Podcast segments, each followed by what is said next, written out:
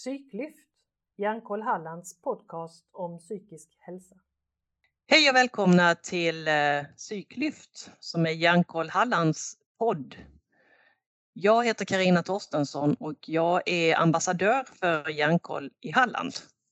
Och I dagens avsnitt så eh, tänkte jag att vi ska göra en liten djupdykning i ämnet lycka. För visst är det väl så att vi vill gärna vara lyckliga, och bli lyckliga om vi inte är det och vi vill känna oss lyckliga. Men vad, vad, hur gör man och vad är lycka? Och eh, jag tänkte prata idag med Somers. Hej Somers! Hej Karina. Hej! Hej! Kan inte du presentera dig lite och berätta, vem är du? Yes, absolut. Och, uh, tack så jättemycket för att uh, ni ville ha med mig här. Det känns jättekul att få möjligheten att prata med er. Så en liten kortare presentation av mig själv. Ehm, jag heter Somesh Chaitanya. Ehm, tidigare hette jag Manoy Stenström. Så Somesh Chaitanya är då mitt eh, så kallade munknamn som man får då när man blir initierad inom ehm, den här förgreningen av hinduismen som jag är initierad inom som munk. Jag började mitt liv i Indien. Jag blev adopterad, för jag föddes i Indien och blev adopterad till Sverige 1985, eh, föddes 1984. Eh, och efter att ha levt ett väldigt, väldigt, eh, vad ska man säga, stabilt liv i Sverige under 25 år ungefär. Där man har haft exakt det man behöver egentligen. Växt upp i ett väldigt tryggt hem. Man hade inte för mycket, inte för lite utan väldigt sådär medel av allting. Precis som Sverige är lite känt sådär lagom som vi brukar Mellan, säga. Mellanmjölk. Så ja. ja, men mm. precis. Mm. Eh, sådär. Eh, det här ledde ju till dock att när jag började, när jag växte upp och det var så himla tryggt och jag hade sport som en, som en stor grej i mitt liv under många år. Men när man väl börjar bli lite mera eh, övre tonåren så, där, så började man leta efter lite mera lycka i olika andra områden utanför den här trygga tillvaron som man har växt upp i. Och det ledde till att jag kanske sökte mig till vissa miljöer där man söker olika typer av adrenalinkickar. Det kan vara genom droger, det kan vara genom våld, det kan vara genom ja, vad som helst egentligen. Men eh, samtidigt som den här fasen i mitt liv påbörjades så hade jag även hittat mitt arbete, det som, det som jag var lite bra på så att säga. Och det var att jobba med barn och unga. Så samtidigt som jag hade eh, ett väldigt bra jobb och ett väldigt bra ett väldigt bra liv omkring jobbet så levde jag lite kaotiskt utanför jobbet. Så det var lite, som, lite av ett dubbelliv skulle man kunna säga. Mm. Eh, och sakta men säkert så klingar väl den här, eh, vad säger man, den eh, mindre konstruktiva sidan av ens aktiviteter klingade väl av mer och mer desto äldre man blir. Och eh, man fokuserar mer och mer på arbete och jag tyckte det var otroligt kul att jobba med, med barn och unga också, jobba inom förskola och skola många år. Eh, men vid något tillfälle så den här jakten på lycka som man kan säga började eh, redan då såklart, eller den börjar ju väldigt tidigt för alla så mm, fort vi börjar mm, andas mm. egentligen. Men eh, just för mig så gick det här då till den här jakten på lyckan förde mig framåt i, ett ganska oväntat steg. Det var att jag tog beslutet att flytta till Indien. Jag hade redan innan mm. haft en hel del Eh, kontakt med. Indien sådär. Eftersom jag var adopterad från Indien så har jag varit tillbaka och hälsat på några gånger. Min mamma tog, tillbaka, tog mig tillbaks till Indien när jag var väldigt ung och som adopterad så var det verkligen en, en bra grej att göra och visa upp ens rötter och sådär så att det inte är några frågetecken omkring det. Så jag har mm. alltid haft det väldigt lätt omkring det här med adoption.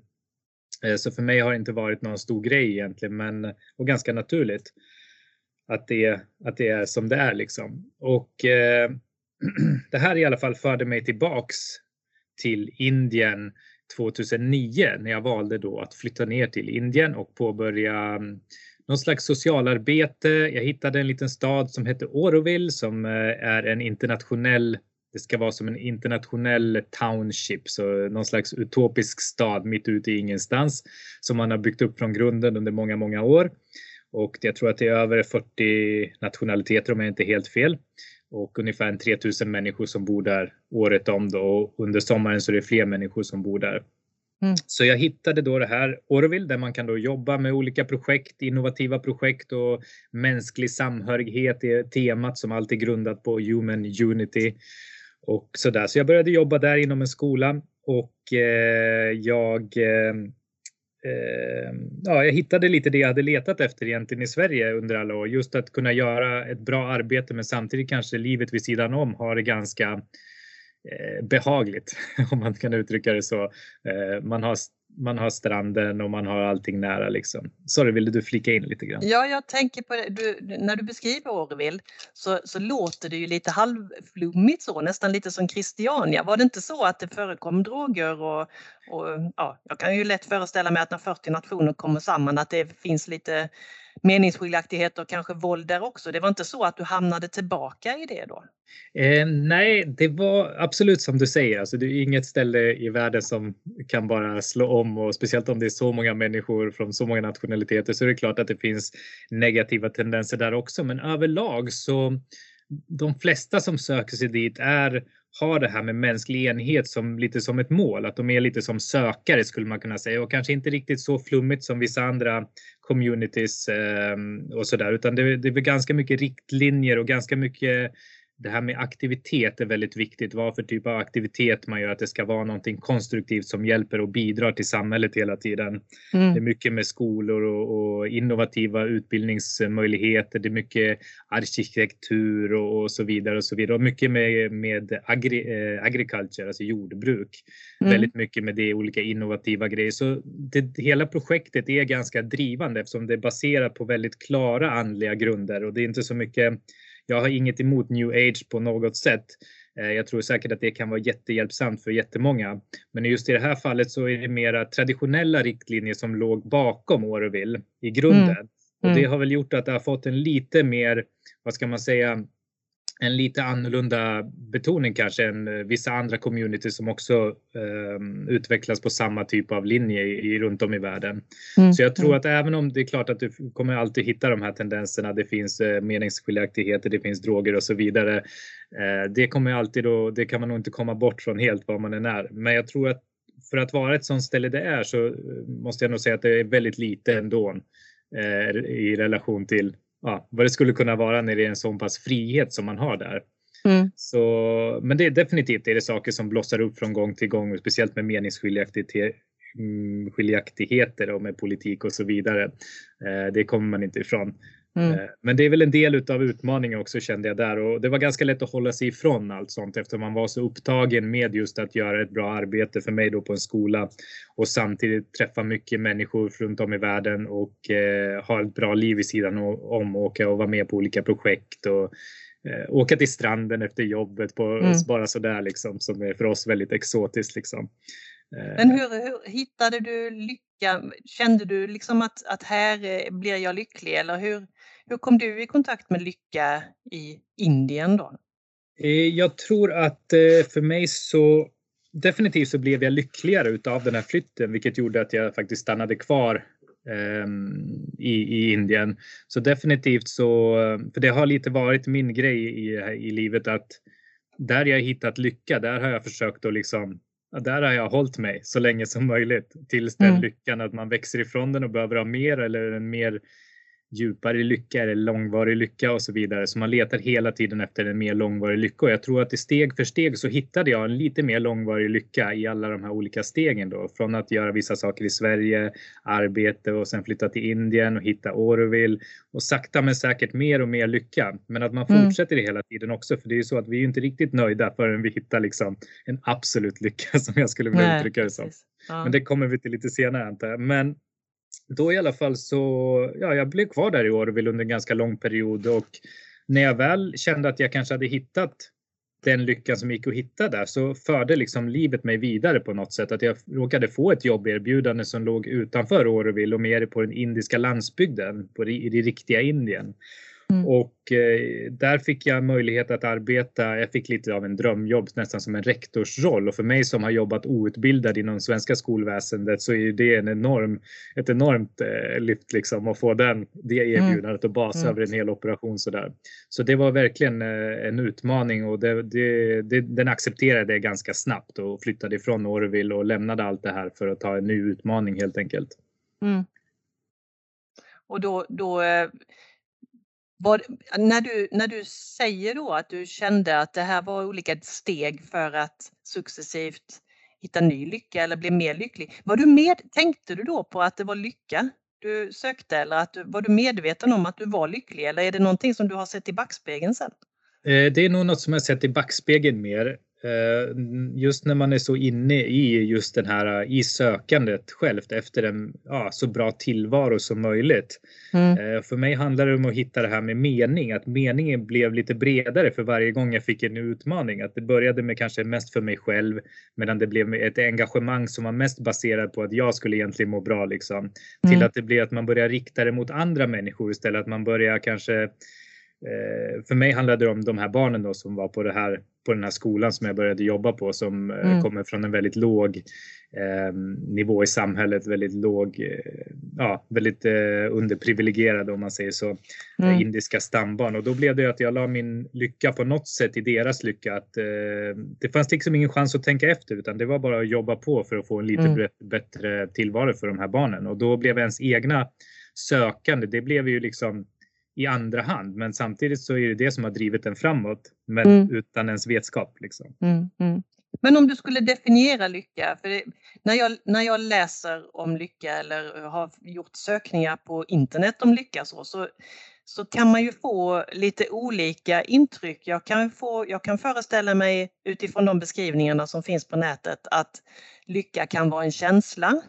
Lycka kan vara ett tillstånd som man befinner sig i eller lycka kan till och med vara en konstant rörelse framåt, lite som du beskriver det att, att man, man är på väg någonstans och, och, när man är mätt på den lycka där man är, befinner sig just nu så får man söka sig vidare. Känsla, tillstånd eller en rörelse, hur, är det någonting utav det som du skulle använda för att beskriva lycka? Absolut, alla de sakerna du nämnde egentligen känns ju som att de kvalificerar som, pek, på, som pekpinnar mot lycka. Eh, om vi börjar med det här ett sinnestillstånd, det kan jag absolut hålla med om, just att lycka är ett sinnestillstånd. Och eh, ofta så når vi ju det här eh, sinnestillståndet genom att uppfylla ett begär. Oftast är det någon, något typ av begär. Det kan ju vara vad som helst. Det kan vara ett dåligt begär eller ett bra begär. Men vi mm. uppfyller det och precis i det momentet eller i den stunden när vi upplever att vi har uppfyllt det här begäret, då upplever vi sinnes eh, tillstånd av lycka. Problemet med de här begären är ju att vi aldrig, liksom, även om vi hittar lycka just då, så kommer det genast en ny våg i form av ett nytt begär. Eller mm. ett begär om samma sak igen, att jag vill uppleva samma sak igen för att känna lycka igen. Och eh, så det leder ju lite till en rundgång att det blir, ja, vi uppfyller ett begär, vi känner av det här tillståndet, men sen så tappar vi bort det här tillståndet någonstans. Så det är som att vi egentligen inte hittar det eftersom om jag hittar någonting så borde jag ju liksom kunna hålla kvar vid det här oavsett mm. vad som händer i mitt liv framöver. Om jag väl har hittat lycka en gång för alla, då måste ju det vara något som finns kvar hos mig. Mm. Att jag ska kunna känna det här tillståndet. Jag borde kunna placera mig själv i ett tillstånd av lycka när jag känner för det egentligen, oavsett mm. vad som händer i mitt liv. Det, det, och det är väl inte det som händer, tänker jag, om man köper man köper lycka för att man skaffar sig eh, en eh, ny tröja eller jacka eller en ny TV eller någonting sånt, då kan man ju känna det här begäret.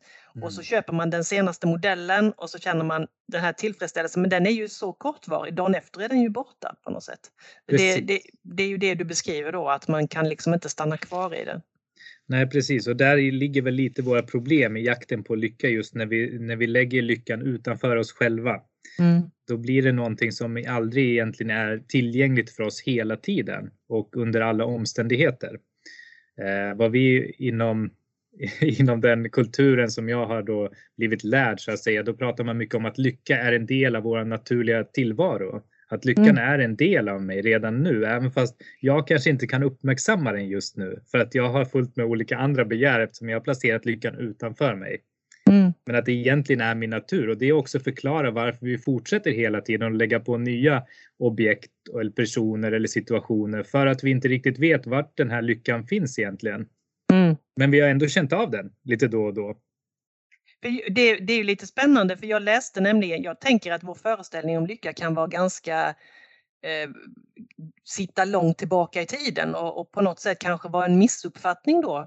Eh, och jag läste en ordbok från 1870 om lycka mm. och då, då stod det så här. Allt vad som händer och har inflytande på människans väl utan att bero av hennes vilja. Mm. Och det tänker jag, det låter ju verkligen som tur. Alltså det är ju snarast eh, lyckohjul eller så. Det, Oj, jag vann! Wow! Så, men det, eh, är, det, är lycka någonting som har med tur att göra eller eh, är det Eh. miss, en gammal missuppfattning? Ja, jag tror att eh, man sk jag skulle gärna vilja, vilja eh, tyda det att det har mer att göra med just att eh, lycka är, er med oss hela tiden, men att det kanske inte är tur. Eh, jag skulle nog inte definiera som tur. Jag, jag eh, skulle nog mer definiera det som att eh, det är en ansträngning eh, som, som vi gör åt rätt håll som ger lycka, men att vi pratar inte så mycket om tur eller otur utan det, det ser jag mer som ett sätt av, det är lite av, av en, vad skulle man säga, man kan säga att ja, jag hade en olycka. Jag hade Mm. sån otur för jag var med i en olycka. Det är Mm. egentligen ett, ett väldigt eh, litet tecken på lathet skulle jag vilja säga för det är att att liksom korta ner det här olycksfallet till att det bara hände. Men det var Mm. ju något som, som ledde upp till den här olyckan. Det var ju någonting som skedde i en annan persons liv som ledde fram till det här. Något som skedde i mitt liv att jag var just vid den här tidpunkten just här och nu. Så att det var ju mer, det finns ju massa faktorer som förklarar varför just jag var med i en olycka och inte bara att det var otur eller, eller var tur Mm. att jag klarade mig undan. Nej, det berodde ju på någon specifik grej som hände. Mm. Eh, bara att vi kanske inte går riktigt på djupet och då säger man tur eller otur istället. Mm. Och det, det du beskriver nu, att det, var, det fanns en massa händelse, saker i händelseförloppet, det, det är ändå inte det som man skulle beskriva som ödet, eller? Eh, på ett sätt skulle vi kunna säga öde, fast inte ett öde som inte jag har någon kontroll över. Utan vi, vi vill ju gärna säga att vi har kontroll över ödet, men vi pratar mycket om det här med utifrån ett icke-religiöst perspektiv så kan vi också använda det här med karma, alltså lagen om orsak och verkan, att allting som, allting som sker har en klar och tydlig orsak. Och på samma sätt i mitt liv, allting som sker oavsett vad det är eller vad som händer, så har det en klar och tydlig orsak.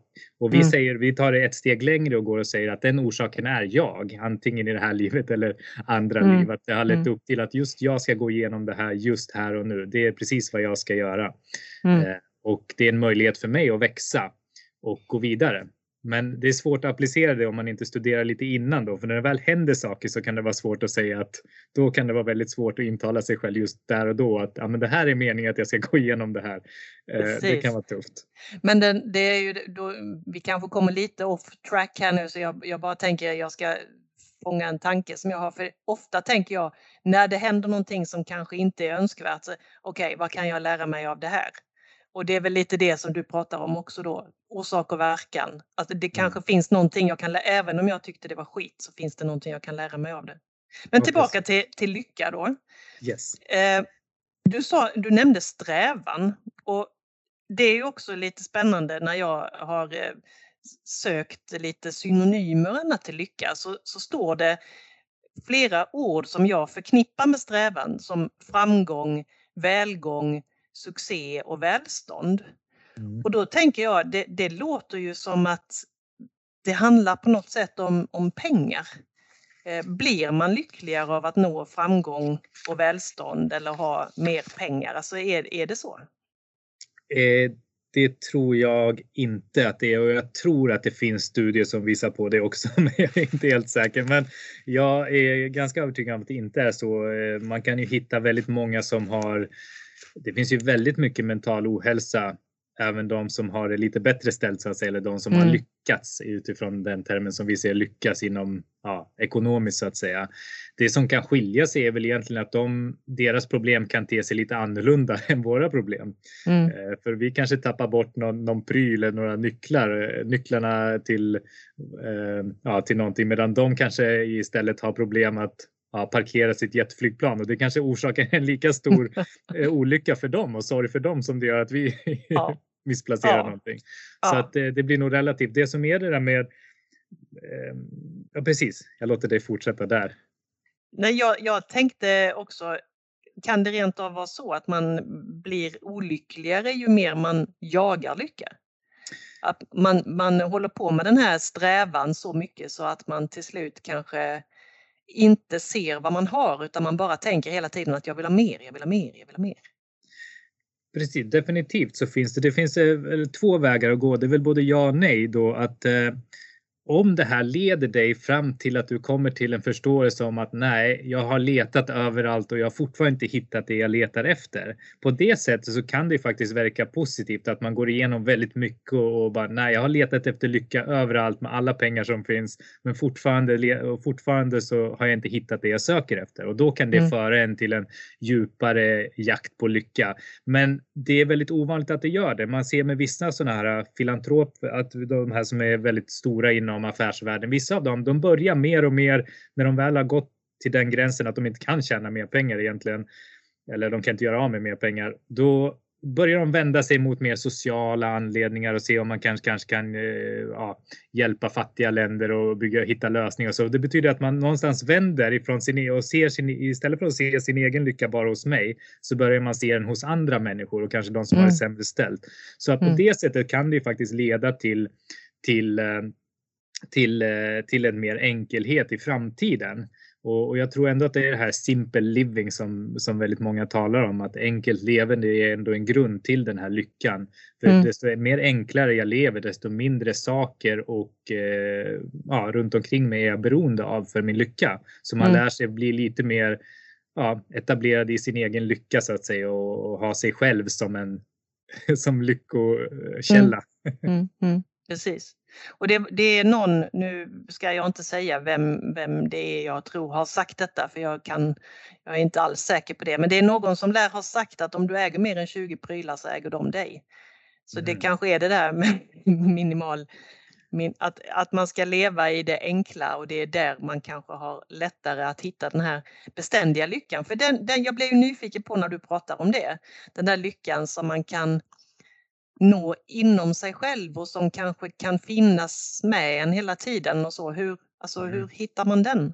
Precis, och det brukar vi, vi brukar säga, vi brukar prata om vårt lägre jag och vårt högre jag in, i den traditionen som jag kommer ifrån. Och där, om vi går tillbaks lite till det här, vad är lycka? Eh, mm. Det finns ju det här fältet inom inom vetenskapen så finns det ju, eh, inom psykologi så finns det ett fält som har jobbat med något som kallas för positiv psykologi som har blivit mer och mer stort. Det har blivit ganska rumsrent nu på senare år, så det är en vetenskaplig del av psykologi och det har blivit ganska erkänd också, även i Sverige bland psykologer, att positiv, positiv psykologi är något som faktiskt är en del av psykologi som en vetenskaplig studie. Och där har man pratat mycket om det här med flow Mm. Att hitta ett flow, alltså hitta en balans mellan sin utmaning och sin kapacitet. Att man hela tiden har den här balansen mellan sin utmaning och kapacitet. Att det inte är för mycket för mig, men utmaningen ska hela tiden vara så att jag fortsätter att utmana mig själv, att det ska vara utmanarna, man blir absorberad i den aktiviteten man gör. Mm. Men exakt så mycket som jag klarar av. Det får inte bli för lite och det får inte bli för mycket. Blir det för mycket utmaning, då leder det till stress. Och så mm. leder det till all den mentala ohälsan som vi ser idag. Och, och, så vidare. Och blir det för lite så leder det till också en mental ohälsa i form av tristess och, och mm. depression och så vidare. Att man inte får ut något av sin potential. Mm. Så därför handlar det om att hela tiden ligga i flow. Så den typen av lycka det är vad de kom fram till då i positiv psykologi, att det är då vi är som lyckligast, när vi är i mm. flow. Mm. Så det gäller hela tiden att tajma det. Men det är inte då den lyckan som jag pratar om, den lyckan som är med oss hela tiden. Det är en underliggande lycka som inte har något, en annan sida av myntet så att säga. Eh, det är vad vi säger är vår natur egentligen, men eftersom inte vi känner till våran den här delen. Vetenskapen har inte kommit så långt så att vi kan sätta fingret på vad är det här som bygger upp allting i världen. Man pratar om gudspartikeln och man pratar om Higgs bosom och allt det här. Så det är det vi pratar om och vi har ett namn för det och vi säger att det är lycka, medvetande, ditt högre jag, Gud även kan man kalla det också för. Eh, så eh, på det sättet har vi något som vi heter, eh, kallas för hö det högre jaget lycka. Mm. Jag hoppas jag snöade in på det lite grann här i alla fall. ja, ja, och, och det, det, är ju inte lätt att förstå eftersom det känns på något sätt som den här delen som är med oss hela tiden ligger på ett väldigt omedvetet plan. Eh, är det så? Har jag fattat rätt då att det högre jaget är ett mer omedvetet plan? Ja, precis. Det är ju någonting som inte eftersom eh, vi är upptagna med att just projektera lycka hela tiden på olika saker utanför oss själva så vi är aldrig riktigt medvetna och det är därför det här med mindfulness har blivit mm. så populärt för det lär oss att ta oss tillbaks lite grann och fokusera på det här och nu. Mm. Inte på allting som du tänker på framtiden eller tänker på det som har hänt och så vidare. Att man går tillbaks. Och när man gör det så minimerar man ju alla de här rollerna som man tar upp annars och alla de här sakerna som jag är beroende av och går ner lite mer basic och då känner vi av en lite större lycka. Mm. Och det är att börja närma sig den här absoluta lyckan genom att börja tona ner. Så när vi går, när vi går in i djupsömn till exempel så stänger ju det här sinnet ner helt och hållet. Vi har ju inga begär när vi går förbi drömstadiet och går in i djupsömn. Eh, men när vi vaknar upp så, så säger vi ju att oj vad jag, sov, jag sov så gott. Men vi kan inte sätta fingret på vad exakt har vi upplevt i djupsömn. Men vi vet att det var ett underbart stadie. Det är därför mm. vi använder mm. snus, snosknappen. Men vi vet inte vad det handlade om. Men vi vet att det där stadiet det, det var underbart, men vi kan inte mm. förklara det på något sätt. Så det är att komma i kontakt med det här högre jaget som vårt sinne inte är utåtgående just under den tiden. Mm. Därför kan vi känna av en större lycka där. Fortsättning följer. Missa inte nästa avsnitt.